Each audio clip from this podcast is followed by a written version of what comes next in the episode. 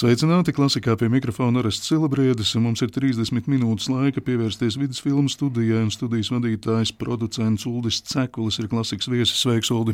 Labdien!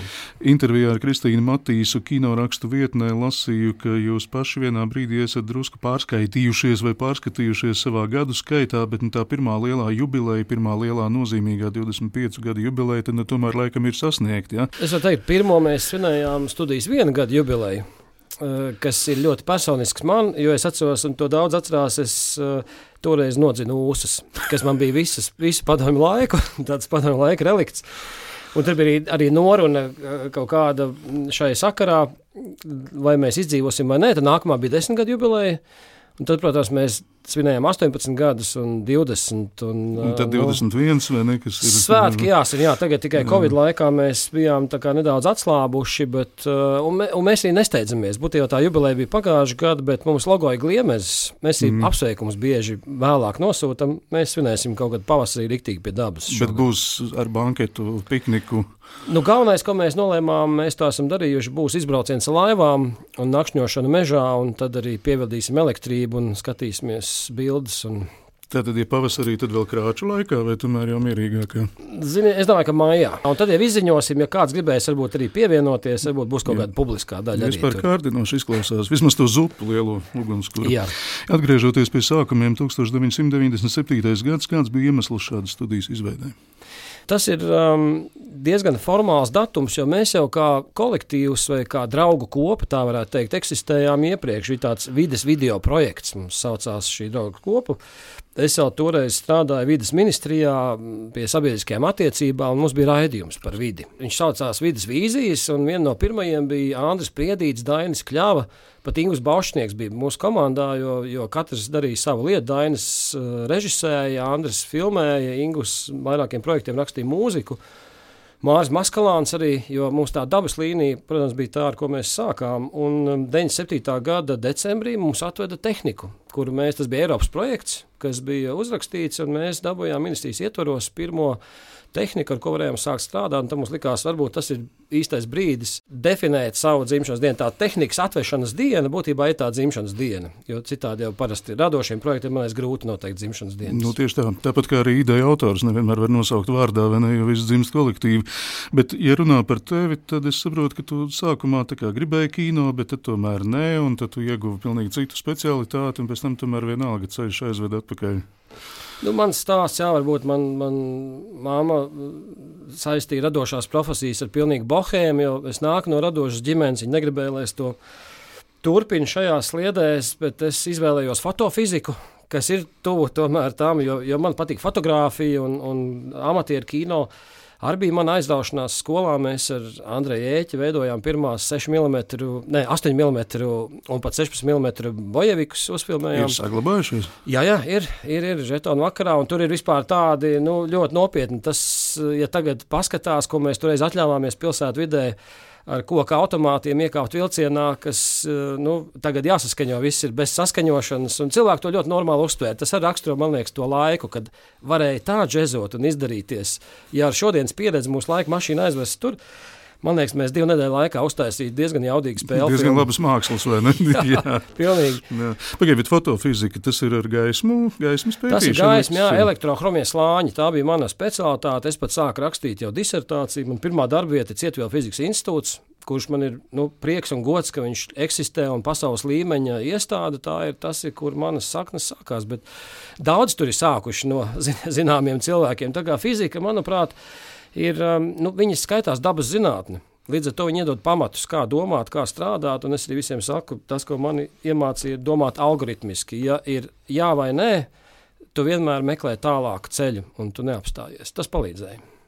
Tā, tagad lūdzu paskaidro, jā vai nē, tas nozīmē izšķiršanos, bet nevis galīgi izšķiršanos, bet ar ceļu, kas ir Tā ir tāda schēma, kad tā kā diagramma, ka tev ir kaut kāds uzdevums, un tad ir jā, izpildās, nē, neizpildās, bet tālāk tie vektori joprojām turpinās. Ja neizpildās, tu meklē atkal divus ceļus, ja izpildās arī divus ceļus, kā to darīt labāk. Un, un tiešām, teikšu godīgi, tas man ļoti palīdzējis ir dažādās un ļoti daudzās situācijās. Tātad īstenībā jebkuram producentam darētu īsais kurs fizikā. Jā, es varētu piekrist. Un, un Cietuvielas fizikas institūtā, kas bija labi, ka tur bija pirmajā stāvā darbnīcas kur ja augšā mēs strādājām ar galvām, tad darbnīcās mēs virpojām detaļas. Mēs būtībā paši konstruējām šīs ierīces priekš eksperimentiem, un tas man iemācīja strādāt ar rokām. Tāpēc arī es priecīgs, ka dažreiz varu arī filmēt, jo man, man hobijs ir, un es esmu filmējis arī pat divas Lailas pakalniņas filmas kā, kā operators. Uh, Bet nu, pēdējā laikā, diemžēl, tas dators un, un klaviatūra. Es skatījos, ka tavā darba sarakstā vienā brīdī tas apstājas. Tieši tā, bet nu, es nopirku motoru zāģi savu pirmo pagājušā gadu un ceru atkal atjaunot. Ja filmu montāžai tas diez vai palīdzēs. nu, tā ir, būtībā, ne, tieši montāžai, es domāju, tā, tā sašķērēt. būtībā tas jau ir kā metafora, ja? kaut ko sagriezt un kaut ko salikt. Jā, salikt kopā, jā.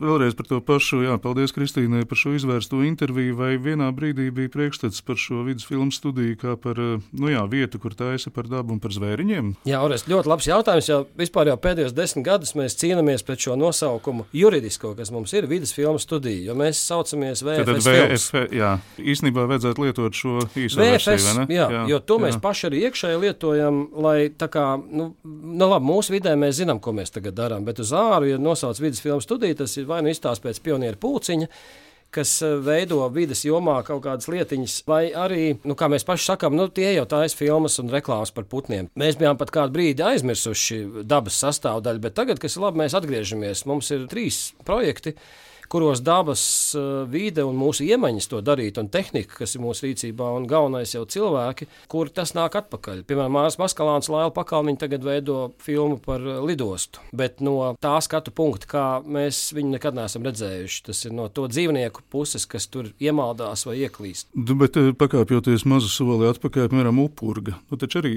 nekur no dabas tālu. Upurga ļoti palīdzēja, jo Uģis Ote sāka mūsu studijā ar raidījumu vidas faktu fakti, kā žurnālists. Man jau arī ar prieku jāatminās tie laiki, kad varēja daudz ko darīt, daudz brīvāk. Mūsu vidas fakti savulaik tā bija tāda džezošana, jo it kā tas skaitījās tāds vides un ekoloģijas raidījums, bet mēs tur tajā likām iekšā dažādas citas jomas, mūzikas lietas, sportu, mākslas, nu, skatījāmies uz dabu no dažādiem leņķiem. Un upurgā, manuprāt, Uģis ļoti veiksmīgi iepiņ šo mitoloģiju un šo dabas vidi ar eh, tām iemaņām, kā parādīt dabu, kas līdz šim varbūt nav šādi vērta vaļā, ir viena no filmas veiksmēm. Mums arī paveicās ar tehnoloģijām, jo tie filmi ir nofilmēti ar fotoaparātu. Tā ir vāda celmiņa, nu, var teikt, tāds meistars tiķis savienojumā ar tā laika iespējām, kad filmēt varēja to, ko pat ar aci brīžiem tu neredzi.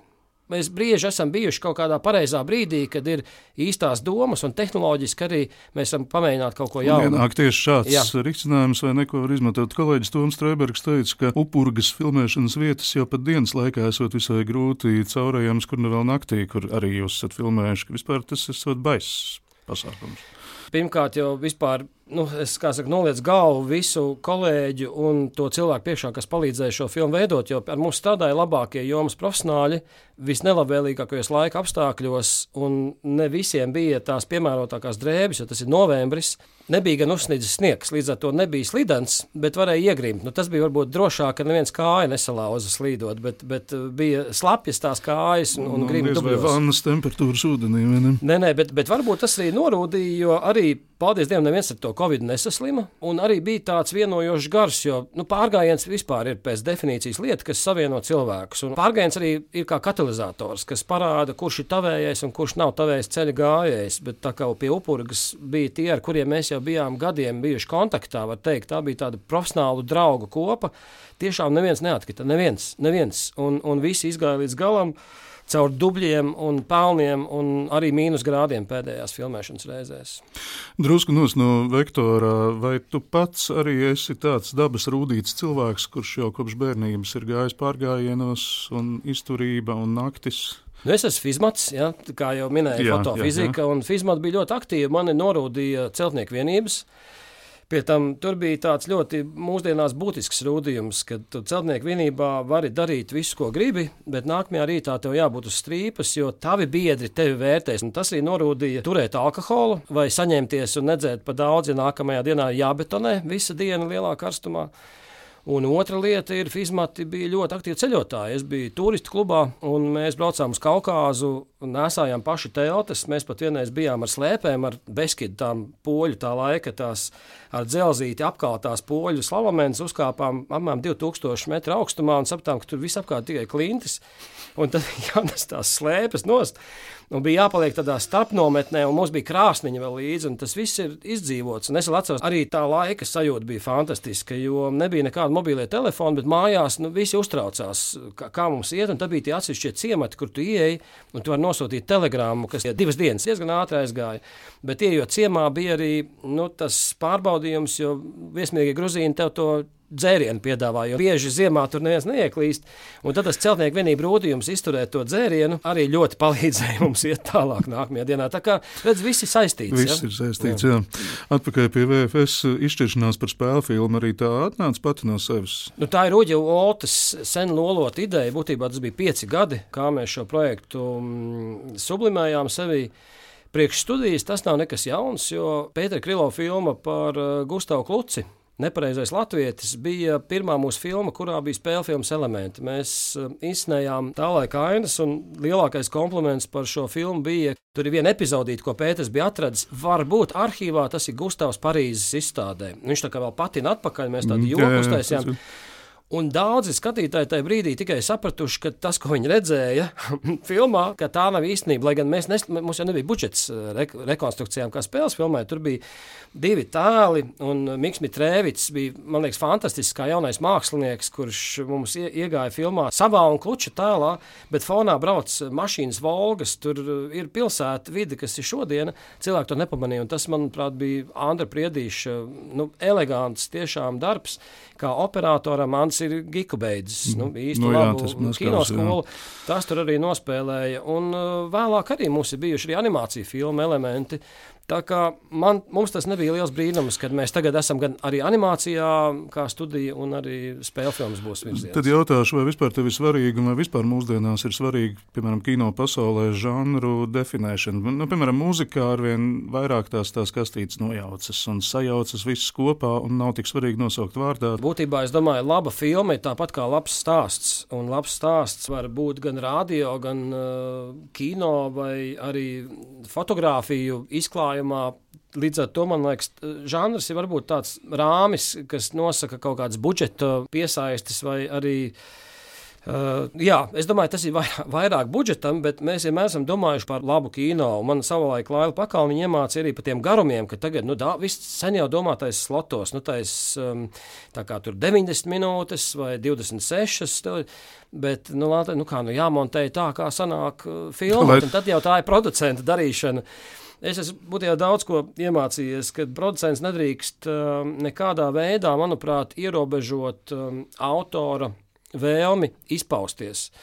Un, uh, tālāk jau mans uzdevums viņu aizsargāt un atrast veidu, kā šo, šo darbu nodot līdz tam gala rezultātam, vai ko es esmu solījis tiem, kas, kas dod naudu. Tā ir atsevišķa māksla.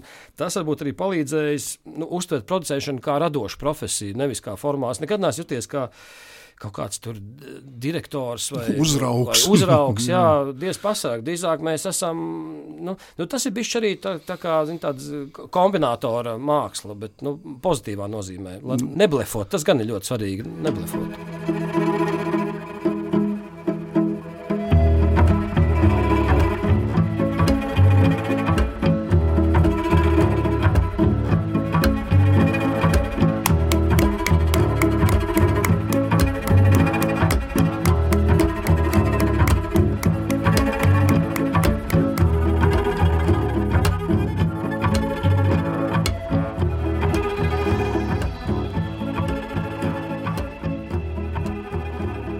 Piesauc animāciju, te ir runa par Nilu Skapānu. Jā, ar Nilu mēs strādājam kopā pie nopietnākās tādas uh, hibrīda filmas, kas ir Pētera Krilova uz spēles Latvijā. Un, manuprāt, tā ir brīnišķīgākais veids, kā rekonstruēt animācijas tehnikā, plastelīna tehnikā tieši lietas, ko nevar nofilmēt. Čekas arhīva bija um, kā scenārijs, un tā bija arī Pēterim ļoti, manuprāt, precīza un pareiza doma, kad mēs izmantojam nopratināšanas vai arhīvos atrastos dokumentus kā narratīvu bet vizualizējam viņas mākslinieckā veidā caur šīm plastilīna ainu rekonstrukcijām. Pie tam viņas ir melnbalts, viņas tajos pelēkajos, no melnā līdz pelēkajam un baltajam toņos. Nu, tas bija meistars tiķis, un tur arī nu, es pat varu pat par sevi teikt, es tā skatos, un man, man saplūst realitāte ar to fikciju, jo, jo tas narratīvs tevi bīd uz priekšu. Un tēls, tas līdzīgi kā lasot grāmatu. Mēs arī katrs vizualizējam šīs lietas, šī plastīna būtībā minimalistiskā krāsu gama, un arī viss tas sets ir pietiekami minimalistisks. Tu vari piedomāt klāt lietas, un tad tā superpozīcija tev izveido pilnu bildi, un tu vairs neatšķir realitāti no fikcijas.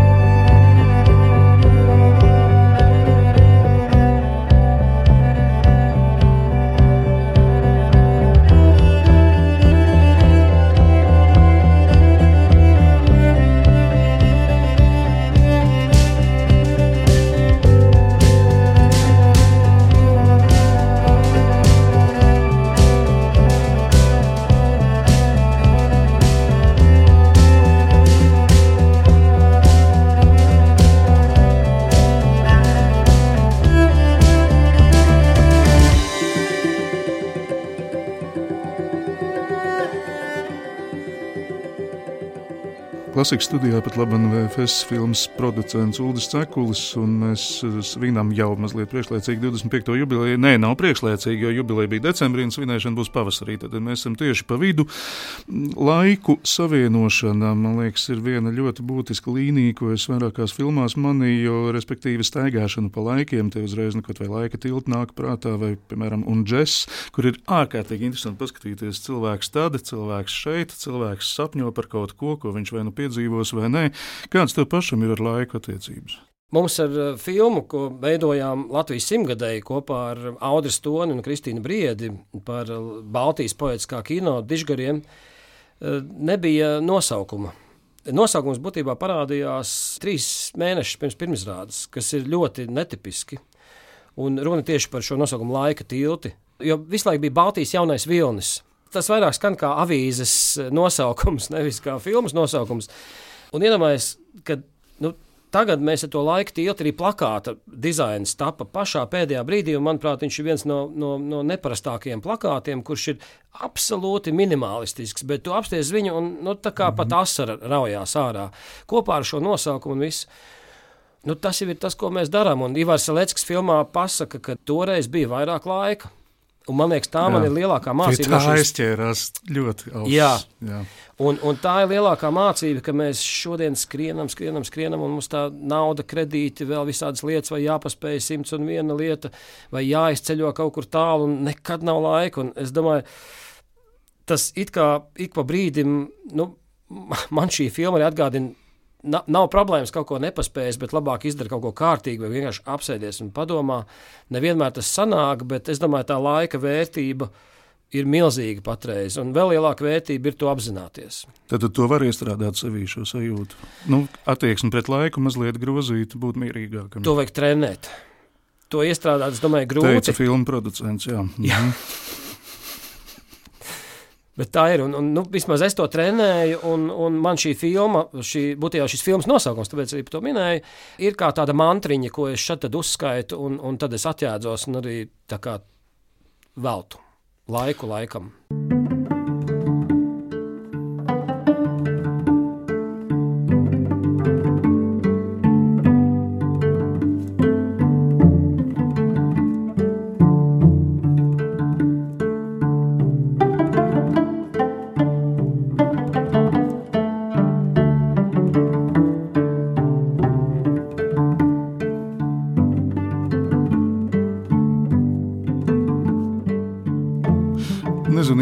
Kādā kategorijā ielikt. Ja mēs runājam par kastītēm, eh, Lēns Pakalniņš filma Teodors arī kaut kā ļoti aizsēra, un tas ir vēl salīdzinoši studijas sākuma laiks, vai ne?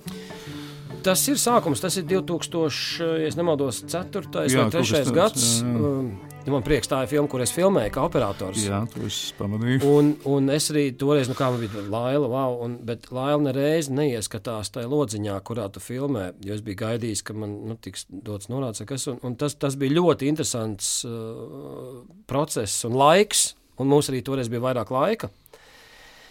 Un tas viss arī, nu, kā lai to pasaka, Teodors priekš manis tā ir arī tāda kino skola. Būtībā jau es neesmu mācījies nekādas kino lietas kā producentu.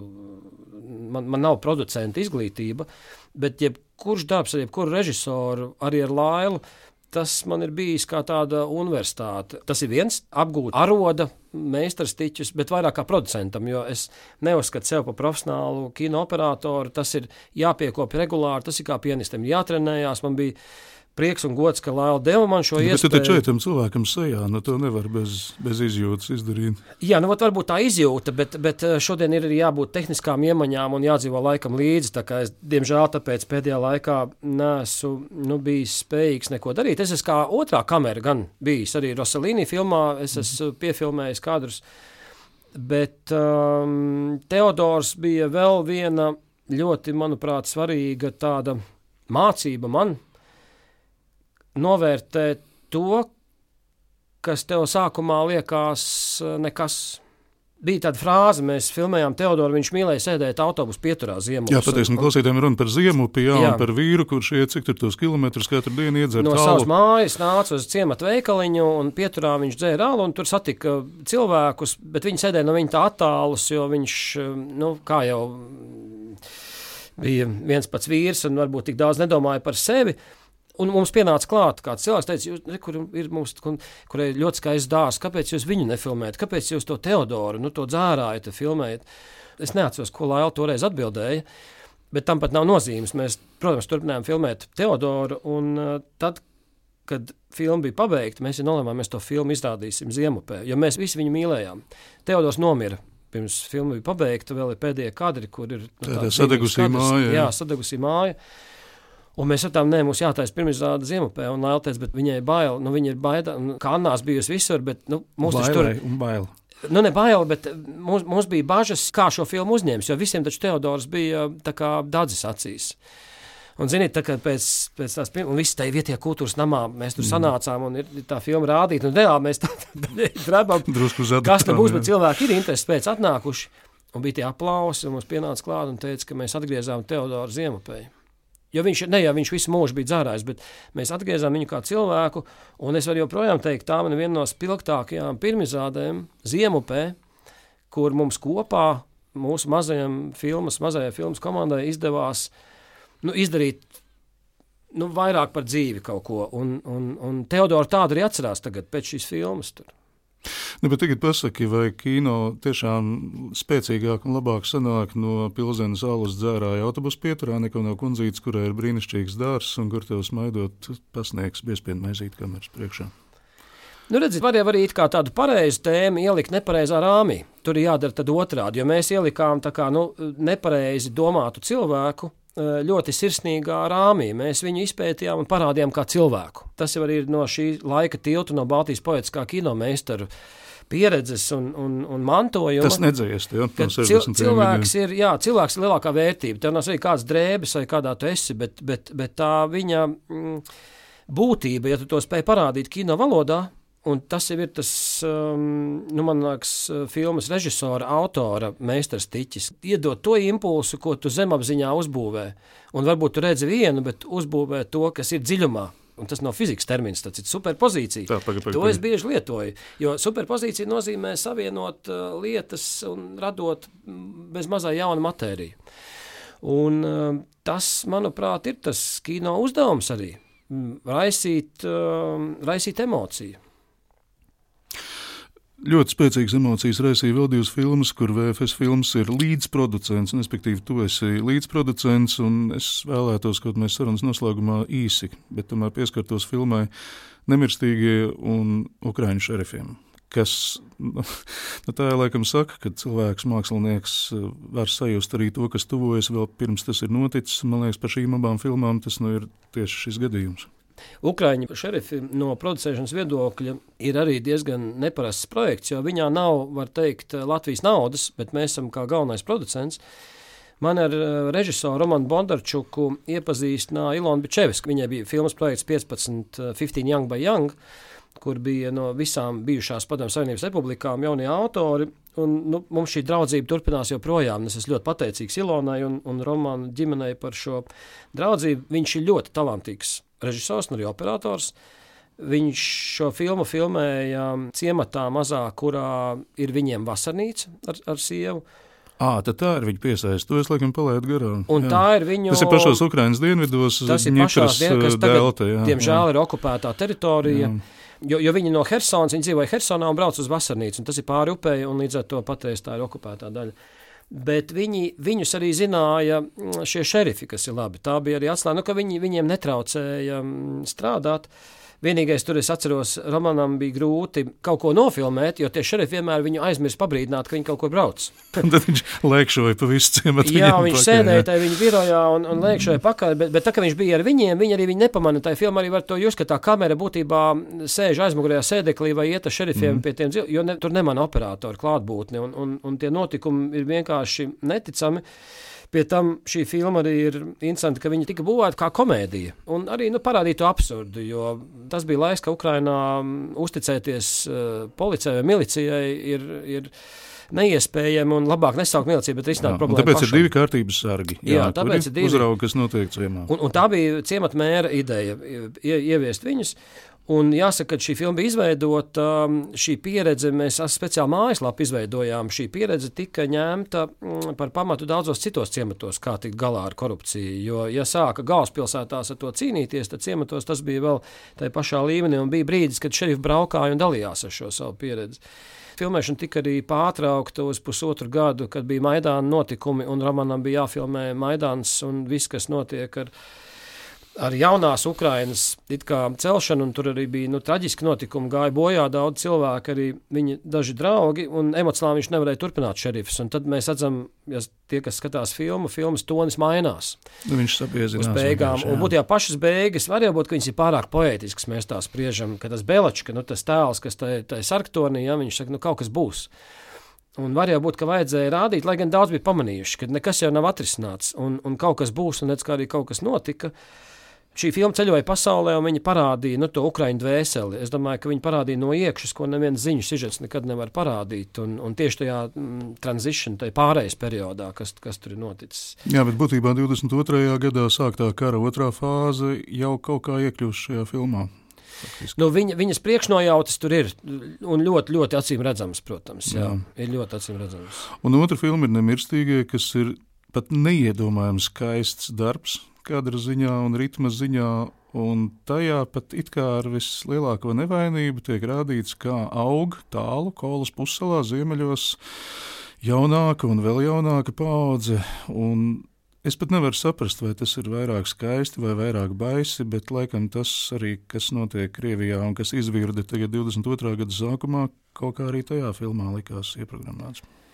Es domāju, šī filma, šī filma būtībā, kāpēc viņa bija iespējams filmēt, um, režisora Ksenija, mm, Haka, viņa no Pēterburgas ir. Uh, Ksenija brauca un atklātā valodā teica, es teicu antropoloģisku pētījumu. Un ja šo filmu, ja noņem šīs mākslinieckās kvalitātes, būtībā viņi ir antropoloģisks vērojums par to, kas tur notiek. Kamera netiek slēpta, tur nav neviens kadrs ar slēpto kameru. Uh, Un kamera filmē tur, kur viņi tika ielaisti. Un arī mēs. Pateiksim klausītājiem, kultūras namā mēģinājums, deju mēģinājums meitenēm, puikām, militārā apmācība. Jā. Šaušana, dēļas ar automātu. Nezinu, pilsētas tas, uh, vide. Jā. Pie tam viss tas ir ziemas laikā, kad uh, pilsēta ir, var teikt, kā tāda noslēgta sala. Un, uh, tas arī, es domāju, palīdzēja šai filmai iedot universālu raksturu, jo būtībā viņi var arī tulkot varbūt pat no no viņu puses kā tādu, nu, tādi mēs esam. Bet es domāju, jebkuram gudrākam skatītājam, un jebkuram, kurš, kurš zina, kas notiek pasaulē, tas ir pilnīgi cits mesiķis. Un tāpēc man ir arī liels prieks un, un cieņa eh, Ksenijai, kura piekrīt šo filmu izrādīt. Viņa tagad bija Novai Gazeta, arī online streamingā. Viņa parādīta bija arī televīzijā.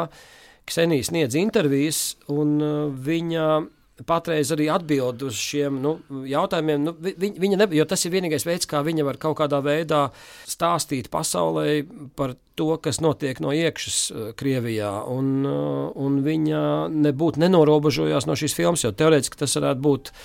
Nu, uztvērts dažādi šajā brīdī. Man tas liekas ļoti cienījami, jo būt patreiz tur un cīnīties, tas ir ļoti nopietni.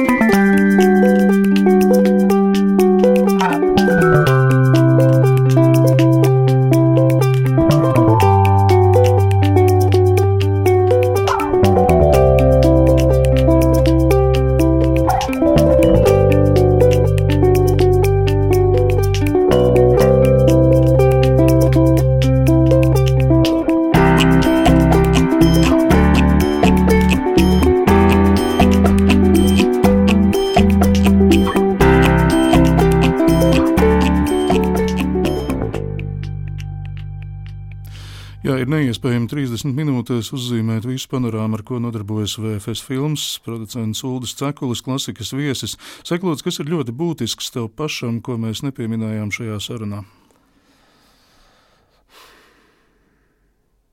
Nu, zin, būtisks man ir saglabāt to, to ģimenisko studijas sajūtu, un, un um, lai ir turpinātāji šai lietai, jo es domāju, 25 ir arī tāds, tāds punkts, kurā ir jānāk jaun, jaunajiem līderiem, jaunajiem vadītājiem.